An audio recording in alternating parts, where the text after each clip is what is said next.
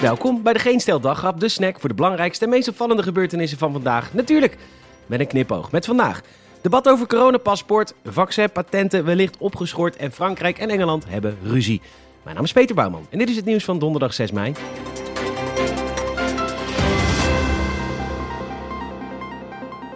Liefst 12 uur is ervoor uitgetrokken. Een debat over een wetsvoorstel over het coronapaspoort. Kortom, de testsamenleving, het samenvattende woord die het vaccinatiedrama perfect samenvat. Ook is het het voorbeeld van de oude politiek, want alles moet natuurlijk weer met een app, omdat een papiertje van de prikvrouw niet volstaat. Daarmee kan gefraudeerd worden en dat zal dan ook af en toe gebeuren en dat pikt vader overheidje niet. Ze kiezen voor de o zo veilige route van een IT-systeem waar nooit problemen mee zijn. Het debat gaat vanavond nog even door en de resultaten tot nu toe. Er zal Nederlanders niet gevraagd worden 7,50 euro bij te dragen aan testen. Want dat zou een kopje koffie op een terras heel duur maken. En Hugo de Jonge kan het makkelijk betalen, maar de rest van het land niet. En de Tweede Kamer veegt het plan dan in ieder geval van tafel. Top! Als je straks een negatieve PCR-test hebt gedaan, antistoffen hebt of gevaccineerd bent, dan krijg je dus een paspoort. Iets met een QR-code. Maar er schijnt ook een papieren versie van te komen voor mensen die geen smartphone hebben. En daar meld ik me vast voor aan.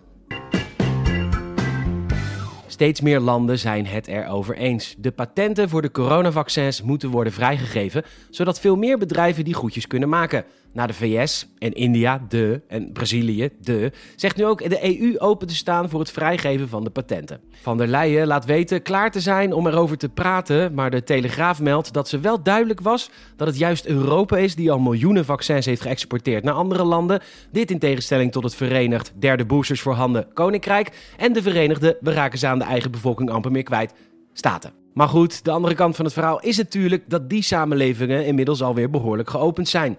Moeilijk, moeilijk, moeilijk allemaal, maar gelukkig is het nieuwe Russische Sputnik Light vaccin vandaag goedgekeurd, natuurlijk door Rusland. Met één prik ben je voor 80% beschermd, voor minder dan een tientje per spuit. En daar heb je hier nog amper een test voor.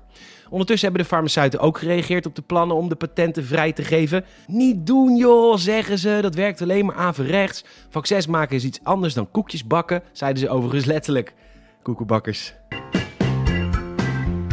Jersey is een klein Brits eilandje net voor de kust van Frankrijk. Niet deel van het Verenigd Koninkrijk, maar onder de bescherming van de Britse kroon. Die rare Britse overzeese gebieden, het voelt altijd zo Game of Thrones.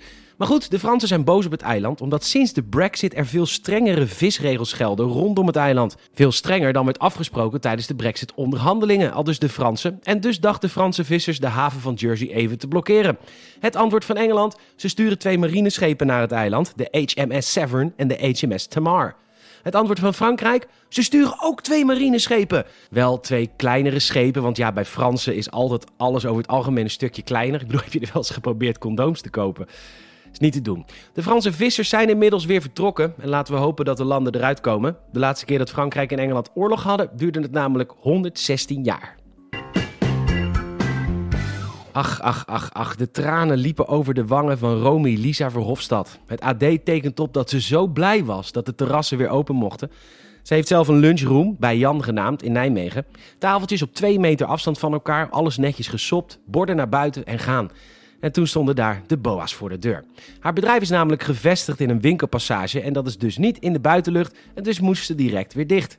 Extra vervelend is dat ze geen coronasteun krijgt omdat ze tijdens de pandemie is begonnen met het etablissement. Waarom vraag je je af? Nou, haar vader Jan stierf vorig jaar en zijn laatste wens op het sterfbed was om de zaak over te nemen en te runnen. En luisteraar, mocht je ooit op een sterfbed komen te liggen, laat je vrienden en familie alsjeblieft geen beloftes doen. Je bent straks toch dood en die persoon zit er nog jaren aan vast. Gewoon zeggen: bedankt voor de mooie momenten, laatste adem uit, klaar. Over dood gesproken, 50 plus is dood. Het enige nog in leven zijnde Kamerlid, Lianne Den Haan, stapt uit de partij en ze neemt haar zetel mee, dat meldt de NOS. De reden is al jaren hetzelfde, ruzie. Waar dat over ging weet eigenlijk niemand en dat heeft eigenlijk nooit iemand geweten. Wel duidelijk is dat de baas van de partij, hoogbejaarde en Jan Nagel, nog nooit een partij bij elkaar heeft gehouden. En dat is zonde voor uw stem op 50 plus. Maar zo werkt de democratie nou eenmaal, mevrouw. Bedankt voor het luisteren. En we zouden het enorm waarderen als je een vriend of vriendin vertelt over deze podcast. En ook een Apple Podcast review zouden we echt enorm waarderen. Ook wij zijn een bitch van de algoritmes. Maak er een mooie dag van. Tot morgen.